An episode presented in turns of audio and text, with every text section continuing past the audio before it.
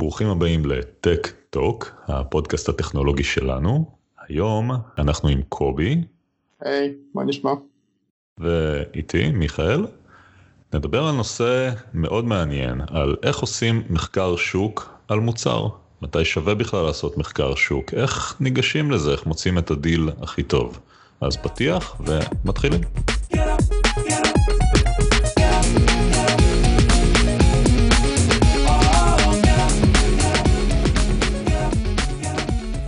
אז מה זה מחקר שוק בעצם? זה הרגע הזה שאנחנו מחליטים לא סתם ללכת ולקנות מוצר, אלא להשקיע, לחקור, ללמוד עליו, להבין מי נגד מי ומה זמין, להשוות מחירים, להשוות חנויות, להשוות ביקורות, לעשות מיני תזה קטנה על המוצר ורק אז באמת אה, לשלוף את הארנק. הייתי רוצה קודם כל שנגדיר בכלל את הבעיה. למה? למה לעשות מחקר שוק? למה לא ללכת ולתת למקצוענים לעשות את העבודה שלהם ולהמליץ לנו על איזשהו מוצר? הבעיה בכלל בלהגדיר מה זה מקצוען.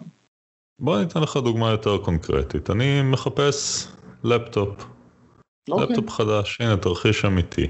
אוקיי. Okay. אה, אני לא כל כך מעודכן במה קורה היום בשוק של הלפטופים, ויש לי תמיד את האופציה להיכנס לחנות מחשבים, לחכות לתור שלי, לדבר קצת עם המוכר על הצרכים שלי, ושימליץ לי על משהו. הוא בטח נחשף למאות דגמים, הוא יודע מה חם נכון. בשוק. יש לו לקוחות שהוא כבר המליץ להם נכון. משהו והם נתנו לו פידבק. למה לא להשתמש בו? אה, כי יש עם זה שתי בעיות. במקרה הטוב, במקרה הטוב, כן, אתה פשוט תיחשף לבן אדם שמוגבל על ידי הסחורה שנמצאת בחנות אצלו.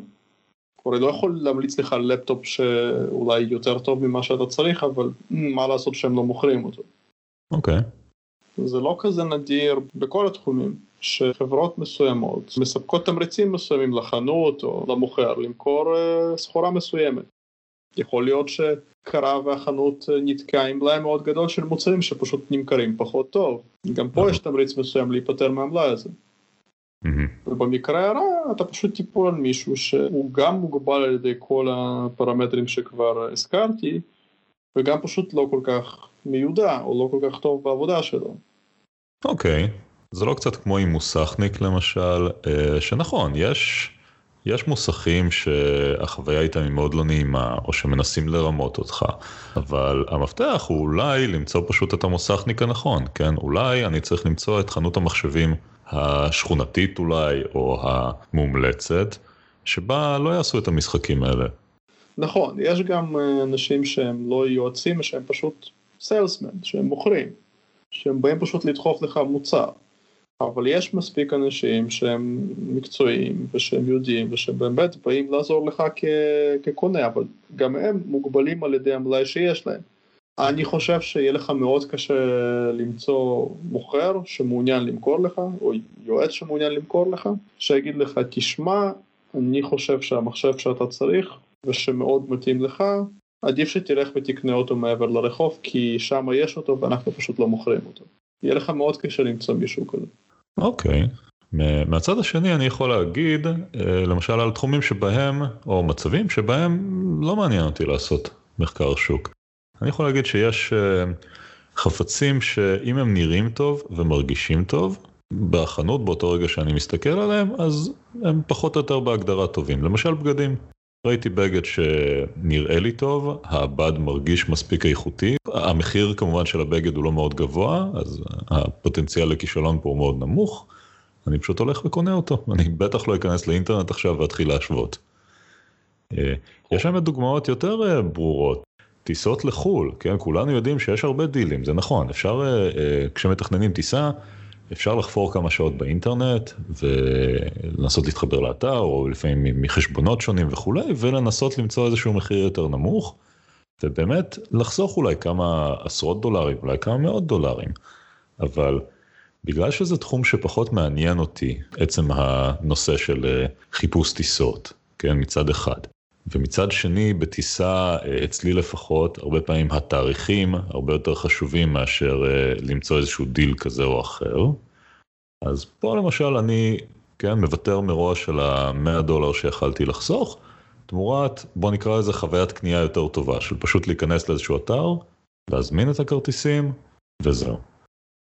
אתה אולי לא תעשה מחקר מקיף על ג'יינס, לדוגמה אתה פשוט תיגש ותקנה ליווייס, אולי תשווה מחירים ותקנה במקום הכי זול, אבל מה אם היית צריך מכנס אה, שהוא סופר עמיד, למשל, אם היית צריך מכנס לטיולים, או אם היית מחפש נעלי הרים לדוגמה, אז זה כבר פחות טריוויאלי. נכון, אם אתה תשפוך מספיק כסף על בעיה, אז סביר להניח שאתה תצא עם, עם פתרון שהוא טוב. אבל אתה עדיין תרצה לחפש משהו שהוא קוסטום, שהוא מותאם לך. כלומר אפשר להגיד בתור כלל אצבע ששווה לעשות מחקר שוק קודם כל אם החפץ באמת צריך לעשות משהו ולשמש אותך תקופה כן, מסוימת. אם הוא פונקציונלי. כן, אוקיי, בסדר. ושנית, אפשר אולי להגיד אם מעניין אותך לעשות מחקר שוק. כלומר אם זה תחום שמראש לא מעניין אותך להיכנס אליו, לא שווה את הזמן שלך, אתה, אתה פשוט לא רוצה להתעכב עליו, אתה רוצה להמשיך עם החיים שלך. כן, אז, אז מראש ההמלצה שלנו היא, כן, תשמעו את הפרק, יש לנו נקודות מעניינות לדבר עליהן, אבל זה בסדר גמור גם לפעמים להגיד, לא, אני לא הולך לעשות מחקר שוק, אני הולך לשלם כביכול קצת יותר את מס הפראייר, כדי לשחרר לי זמן פנוי, כדי לא להתעסק עם משהו. אבל לעומת זאת אם זה כן נושא שהוא מעניין אז יש את הרצון גם לחקור מעבר, לרדוף אחרי הזנב של הדרקון ולמצוא את, ה, את הפתרון הכי מותאם. אני יכול לתת דוגמה אישית יחסית מהתקופה האחרונה, חיפשתי סכיני גילוח, ספציפית סכיני גילוח אה, מהסוג הישן יותר, שלא מוכרים היום. אוקיי, אז לא רגע, רגע, אז בוא, אז בוא, אה, בוא נעשה את זה מובנה. אוקיי, אז הנה ניקח את הדוגמה של סכיני הגילוח ו... איך בעצם בכלל החלטת שזה נושא שמעניין אותך להיכנס אליו? כי כשאני צריך סכין גילוח אני פשוט הולך לסופר. האמת גם אני, נתקלתי בזמנו פשוט בכתבה שעסקה בסכיני גילוח ובחיסכון כספי שאפשר להשיג בשימוש בסכיני גילוח יותר ישנים של פעם, נקרא wet shaving. אוקיי. Okay. זכרתי גם שראיתי את אבא שלי מתגלח ככה לפני המון זמן. פשוט התחלתי לקרוא על זה, זה נראה לי מגניב, זו תעשייה שקיימת בערך 100 שנה לדעתי. אז אתה מדבר בעצם על הסכינים עם הלהב החשוף, נכון? נכון, נכון, ה-safety razor. כמו של פעם, כמו שראינו כן. כזה קצינים במלחמת העולם השנייה מתגלחים, כן, אוקיי, כן, כן. אוקיי. דרך אגב, גם היום, גם היום אפשר לקנות את הדברים האלה, אבל כאילו... אז מאיפה, מאיפה אתה מתחיל את המסע שלך? אז, אז החלטת שאתה רוצה כזה? אה, איך אתה יודע בכלל מה הטרמינולוגיה הנכונה, מה לחפש? אתה לא, אתה פשוט, אה, אתה פשוט קורא כתבה, ואז אתה מוצא המון אנשים שמתעניינים בתחום הזה, בדרך כלל יש פורומים ויש... אה, בדרך כלל זה כאילו ככל שהנושא הזה יותר נישתי, החומר ילך לכיוון של, של אנגלית, כלומר קשה לי להאמין שתמצאו קהילה של wet shaving בשפה העברית בארץ, למרות שאני בטוח שיש עוד אנשים שחוץ ממני ש... אני אחפש אחרי הפודקאסט גילוח רטוב, אבל אני לא בטוח כן. שאני אוהב את התוצאות. אבל ככל שהנושא יותר נישתי ככה יש יותר סיכוי שתמצאו את המידע הזה באנגלית, נניח Reddit זה אתר שהוא מעולה. Reddit.com האתר הלאומי, אוקיי.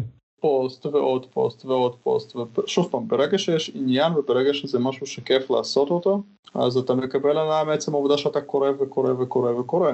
ומה, איך נגיד אתה אוסף את כל המידע הזה? כאילו אתה נחשף לים מידע, חלקו מאוד סובייקטיבי, נכון? דעות של כל מיני אנשים. נכון. לפעמים סותרים אחד את השני. איך אתה מארגן הכל? איך אתה מגיע לאיזושהי מסקנה? במקרה של סכיני גילוח, בגלל שמדובר במוצר שהוא מאוד זול, 50 שקל נניח, אז אתה יכול תמיד להרשות לעצמך פשוט לקנות, okay. אוקיי. ולעשות לבד.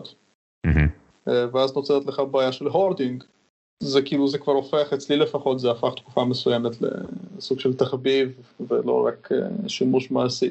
אבל שוב פעם, מה שהניע את המחקר שלי זה, זה פשוט היה מאוד מעניין. יש, אה, קרה לך שאתה צריך לחקור על משהו כי אתה חשוב לך לא לצאת פראייר כי אולי יש פה חיסכון פוטנציאלי גדול אבל התחום לא כל כך מעניין אותך? בדרך כלל כשהחיסכון מאוד גדול אז התחום כן מעניין אותי. עצם העובדה שיש פה מקום להרבה מאוד חיסכון אומרת שהתחום מורכב. ברגע שמשהו מורכב אז אותי לפחות זה בדרך כלל מעניין. מעניין, אני, אני יכול להעיד על עצמי ש... הרבה פעמים חשוב לקחת צעד אחורה. יש את הניצוץ הזה של רעיון, כן? למשל, לי היה רעיון שאני צריך שואב אבק רובוטי חדש. כי שלי, שלי קצת הלך כפות. והתחלתי באמת מלחפש שואב אבק רובוטי יותר טוב, והשוויתי וכולי, ואז קצת חשבתי והגדרתי מחדש את הבעיה שלי. בסופו של דבר אני לא רוצה שואב אבק רובוטי, אני רוצה שהבית שלי יהיה נקי. התגלגלתי מפה לשם לאוקיי, רגע, למה בעצם לא אבק רגיל? כן, כאילו לשאול את השאלות הנאיביות האלה של למה לא ככה, כמו שילד היה שואל. אז אה, הגעתי למסקנה שלמה לא שואב אבק רגיל, סתם כדוגמה, כי מאוד מסורבל כל הזמן להוציא אותו, ואתה לא תוציא אותו כל יום, ולא נוח, ואין לי הרבה מקום בדירה וכולי. ואז אוקיי, רגע, האם אפשר לפתור את, את, את הבעיה הזאת ולהישאר עם פתרון קומפקטי ונוח?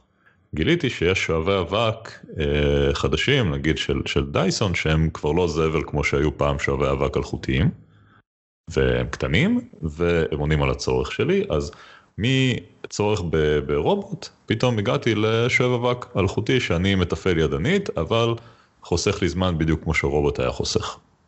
זה, זה מה שקורה כשהתחום כן מעניין אותך, אתה, אתה מתחיל לחקור, ואז אתה נתקל בפרספקטיבות, במקרה שלך זאת לא, כאילו, זאת כן, זה כן ולא, אבל אתה פשוט נתקלת במוצר שפותר את אותה הבעיה פשוט מכיוון אחר.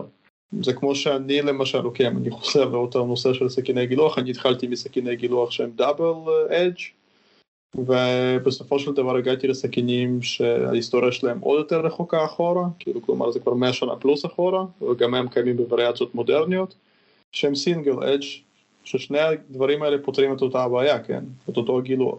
אבל בגלל שאתה מתעסק בתחום הזה כל כך הרבה זמן, ואתה קורא, ואתה צריך לדיונים מסוימים, אז פתאום באחד הדיונים האלה מישהו אולי מכניס את השוער האבק הידני הזה ואומר בעצם למה אני צריך את הרומבה אם יש לך את הדייסון. אוקיי, okay, זאת אומרת, זה... עצם המחקר הוא גם יכול לעזור לך לראות אה, דעות מעניינות של אנשים. כן. האמת שכן, דווקא, דווקא בפורומים הרבה פעמים אה, כשמישהו מבקש משהו, אז תמיד יש את החכמולוגים שאומרים לו, אה, מה אתה צריך את זה בכלל, אם תעשה ככה, אז, אה, כן. אז ככה. אז אתה אומר לקחת אותם קצת יותר ברצינות וממש לשקול את האלטרנטיבות. אוקיי, מעניין. תלוי מה, תלוי עד כמה הדעה שלהם, אה, כאילו, תלוי עד כמה הדעה מנומקת והם לא פשוט צועקים רק לא רומבה. וזהו, ואיך איך באמת אתה יודע להבדיל? בוא, בוא ניכנס למשל לעולם האלקטרוניקה, כן? אתה מחפש אוזניות חדשות. יש המון אוזניות שעל הנייר נראות בסדר. איך לגשת לזה? כאילו לאיזה, לאיזה אתר ללכת? איך לדעת מה, מה באמת יותר טוב? אתה הרי לא יכול לקנות מרדיט ישירות. לא. אין שם אפילו ביקורות מובנות כאלה עם כוכבים. אז אה, איך אתה יודע איפה כדאי? זה נמכר בכלל במקום ששולח לארץ? אה, איך אתה ניגש לבעיה הצרכנית של איפה אני מוצא? תכלס את המקום, לשים את הכסף שלי ולקבל את המוצר. היום זה יותר פשוט, כי אמזון שולחת כמעט את כל המוצרים שלה לארץ, בניגוד למצב לפני כמה שנים. Okay. אוקיי. יש גם אופציה להשתמש בכתובת בארצות הברית שעושה, שעושה את המשלוח uh, כתחנת בין, ביניים לישראל, אז אם יש איזה מוצר שאתה ממש חם עליו, לא נשלח, לא נשלח ישירות לארץ, אז גם זה פתיר. בדרך כלל כל הקהילות שאני מדבר עליהן הם נותנים קישור אה, או ישירות לאמזון או או שיש לך את השם ואז אתה פשוט יכול להריץ אותו בתוך אמזון. אני רואה שהביקורות שלו בכללים הן טובות, נניח 4 פלוס. אני לא מסתכל על הביקורות החיוביות ואני לא מסתכל על הביקורות השליליות, כי בדרך כלל אלה נקודות קצה שהן לא ממש מייצגות שום דבר. אני בדרך כלל פשוט מסתכל על השלושה כוכבים, בדיוק על האמצע. אלה אנשים שתהיה להם בדרך כלל ביקורת יותר רלוונטית מהמוצר הזה הגיע שבור, או המוצר הזה כל כך נפלא שאני רואה צבעים כשאני שומע מוזיקה. מעניין, זה טריק שלא ניסיתי אף פעם באמת. אה, מה שאני נגיד יותר אוהב באמזון ו Newegg זה שיש כמות די גדולה של ביקורות. זאת אומרת, אני יכול להיכנס למוצר שהוא גם לא הכי הכי מיינסטרים, ויש מאות של ביקורות שלפחות אני רוצה להאמין שהן אמיתיות. זהו. אה, תן דגש גם על זה, כי גם זה נושא בפני עצמו, שהוא כאילו לא בסקופ של, של הפרק הזה, אבל יש המון חברות שמשלמות כסף לאנשים כדי שיעלו ביקורות. מחלקות בעצם את המוצר הזה ואחר כך מבקשות ביקורת, כאילו זו תעשייה שלמה, אז אתה גם לא יכול לקחת ביקורת, זו אחת הסיבות שאני באמת פוסל ביקורות חיוביות כ, כמדד למשהו, כי אתה לא ממש יכול לקחת אותם בפייס ואליו.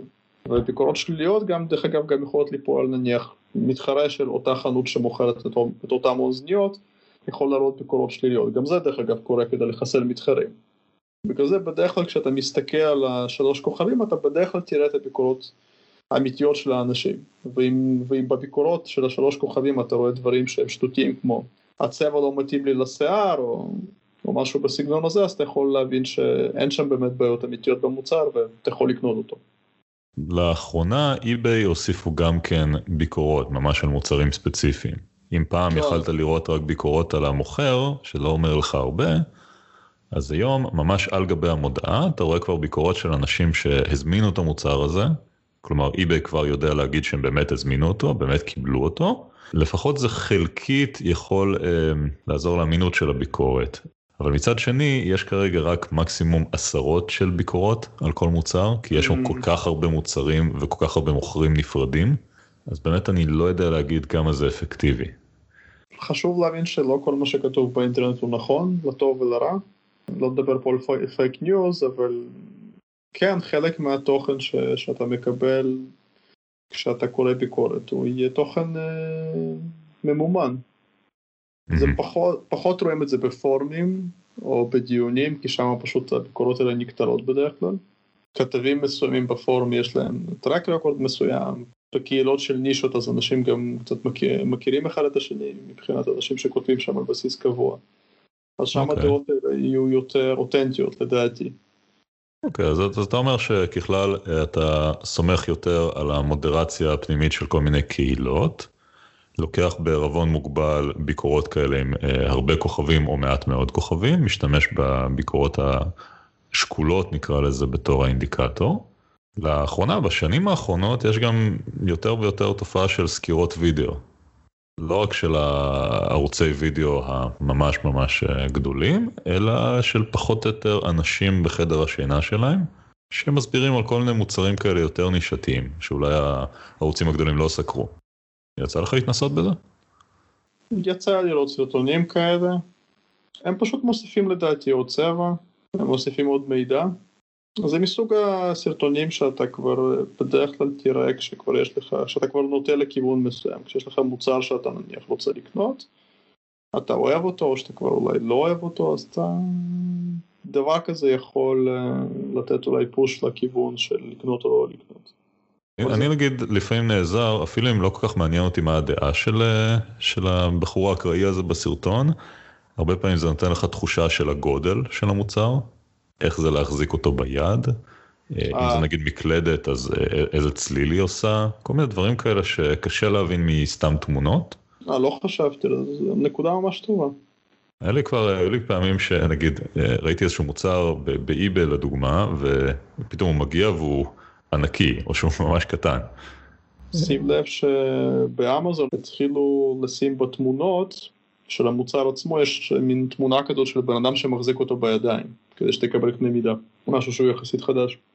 ומה לגבי בכלל ערוצי וידאו אה, יותר מיינסטרים כמו Linus Tech Tips, Hardware Canucks, MKBHD, יצא לך ממש אה, להיעזר בהם כדי לבחור איזשהו מוצר? העלית פה את הנקודה של הסרטונים, אני, אני משתמש מן הסתם במכלול של כל הדברים שדיברנו עליהם כדי להגיע להחלטות מסוימות.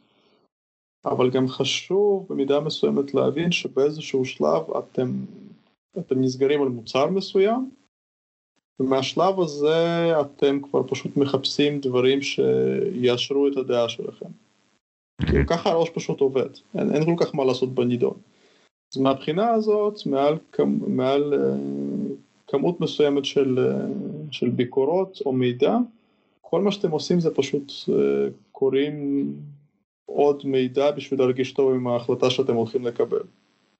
וברגע שאתם כבר נתקלים באיזשהו מידע שהוא טיפה לא מתאים לתזה שבניתם סביב המוצר הזה, אתם פשוט אומרים, mm, אוקיי, מה הוא מבין? לי האמת יש את הבעיה ההפוכה, אני יכול לקרוא הרבה ביקורות, כאילו להיסגר כבר על המוצר, ואז פתאום אני קורא איזה משהו כזה קטן, אה, רגע, אולי בכל זאת לא, אולי לחפש מוצר קצת יותר טוב, כי זה, הוא, הוא אחלה, אבל אין לו כפתור לפה שעושה ככה. מה, העצה שלך? מתי בעצם להפסיק לחקור? פשוט אה, להזמין את המוצר ו, ו, ולהמשיך בחיים שלך. יש את הכלל של ה-80% מאמץ בשביל 20% אה, תועלת, הוא, הוא מעולה פה, כן? אתה בסופו של דבר אה, עושה את המחקר, אתה מגיע למסקנה מסוימת, ואז אתה שורף המון זמן בפועל בשביל כלום, אתה כבר נסגרת ואתה כבר יודע מה אתה הולך לקנות. זאת אומרת, אני כבר שם, יש לי מוצר שהוא כבר לפחות 80 כן, אחוז. כן, אתה, אתה, ואתה גם ב-90 אחוז מהזמן זה גם המוצר שאתה תקנה בסופו של דבר, זה מה שעצוב, mm-hmm. אתה גם מודע לזה במידה מסוימת. אני חושב ש... אוקיי, אני, אני אחלק את זה לשניים. אני חושב שאם אתה קורא ביקורות ואתה מרגיש שכל מה שאתה עושה זה פשוט לק... לקבל אישור לדעה שכבר אה, גיבשת, ושאתה פשוט זורק אה, ביקורות שהן טיפה לא מחמיאות למוצר שלך, סימן שעשית כנראה כבר מספיק אה, מחקר ואתה כבר, כבר סגור על המוצר.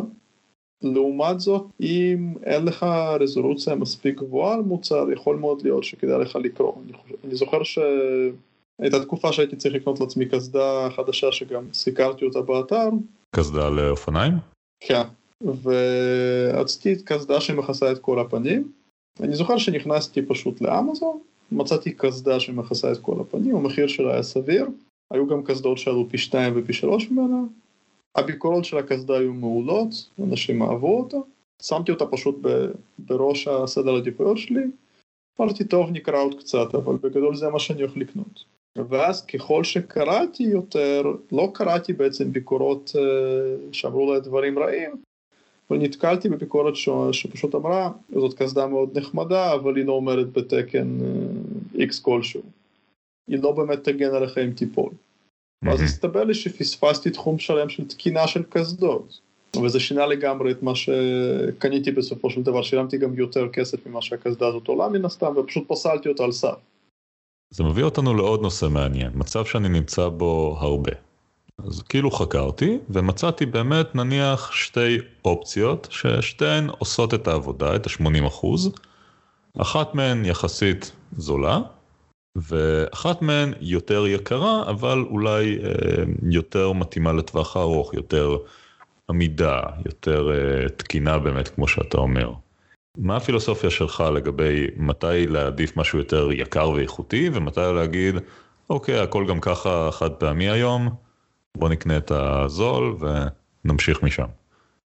תראה, אני פחות אוהב את העובדה שהכל חד פעמי היום, אבל אני אשים את זה בצד. לפחות הפילוסופיה שלי אומרת שאני מוכן לשלם אקסטרה בשביל שחוויית השימוש שלי תהיה נוחה, אני אגדיר את זה ככה. לא מספיק שהמוצר יהיה טוב, אני רוצה שיהיה לי נוח להשתמש בו. אם אני אקח את זה כאנלוגיה, אני יכול לשלם 300 שקל ולקנות מקדחה רוטטת, או שאני יכול לשלם 500-600 שקל ולקנות uh, פטישון. עכשיו, כשאני אגש לקדוח חורים בבטון בבית, שני הפתרונות האלה יעשו את העבודה. אני גם לא קודח חורים כל יום מן הסתם, אבל אם אני אבחר בפתרון של הפטישון, אני אדע ש... בפעמים הבודדות שאני צריך לקדוח בתוך הקיר, אני לא הולך להזיע. זאת תהיה חוויית שימוש מאוד טובה. עכשיו, האם הייתי מוכן לשלם 2,000 שקל על פטישון בזמן שמקדחה עולה 300 שקל? לא. אבל במקרים שהמחיר של הפרמיום הוא לא כל כך גבוה, אני אקח את הפתרון שיהיה נוח וכיף להשתמש בו. אני גיליתי גם מהצד שלי ש... א', לפעמים הפתרון היקר יותר גם יהיה לו ערך שוק יותר גבוה כשימאס לך, כשתבוא למכור, ואז הרבה פעמים האקסטרה ששילמת פחות או יותר מתקזז. מצד שני באמת כמו שאתה אומר אה, זה לא רק עניין של כמה שנים יחזיק המוצר גם זה חשוב אבל גם בכל יום ויום שאתה משתמש בו כמה אתה נהנה ממנו כמה הוא באמת עונה על הצרכים שלך וכיף לך איתו זה גם משהו שאפשר לכמת בכסף. וזה כן. באמת חשוב להחזיק בראש כשמשווים מוצרים. לא רק לחשוב על הכמה דולרים שחוסכים, אלא לנסות לחשוב על כל מהלך החיים של המוצר הזה אצלכם. כמה שנים הוא יחזיק לכם, באיזה תדירות תשתמשו בו, כמה שווה לכם אקסטרה הנאה או נוחות או יעילות של המוצר הטוב יותר. וגם אל תשכחו שבסוף זה אולי מחבר אותנו לפרק עתידי. אה, סביר להניח שגם תמכרו את המוצר בשלב מסוים ותקבלו חלק מהכסף שלכם חזרה. אוקיי, שיחה מעניינת. קובי, יש לך מילים לסיכום? אני חושב ששווה להשקיע את הזמן בסקר שוק, בייחוד אם זה משהו שהולך לשמש אתכם הרבה, וזה משהו שהוא כן מעניין אתכם. אחרת סביר להניח שפשוט תקנו מוצר מבית טוב ו... ואתם תהיו בסדר, גם אם זה לא יהיה האופטימום מבחינה כספית. והייתי מוסיף באמת, לא להיכנס עמוק מדי למאורה הזאת של אופטימיזציה ועוד אופטימיזציה, לא לחפש את המושלם, כי אין מושלם, זה אולי קצת פילוסופי, אלא לתת את המחקר, למצוא אופציה טובה או שתיים טובות, לבחור ביניהם לפי הקריטריונים שאמרנו קודם, ולהרגיש נוח עם ההחלטה. בסופו של דבר, כל החיים הם אוסף של החלטות כאלה, וצריך לעבור הלאה למחקר הבא. וזהו, אה, זה הכל הפרק, שמחנו שהייתם איתנו, אנחנו היינו מיכאל וקובי איתי. אתם יכולים למצוא אותנו בספוטיפיי, בגוגל פודקאסט, בפודקאסט של אפל כמובן, וכמובן בקרו באתר שלנו, techtalk.co.il. נתראה בפרק הבא, ביי ביי. נשתמע.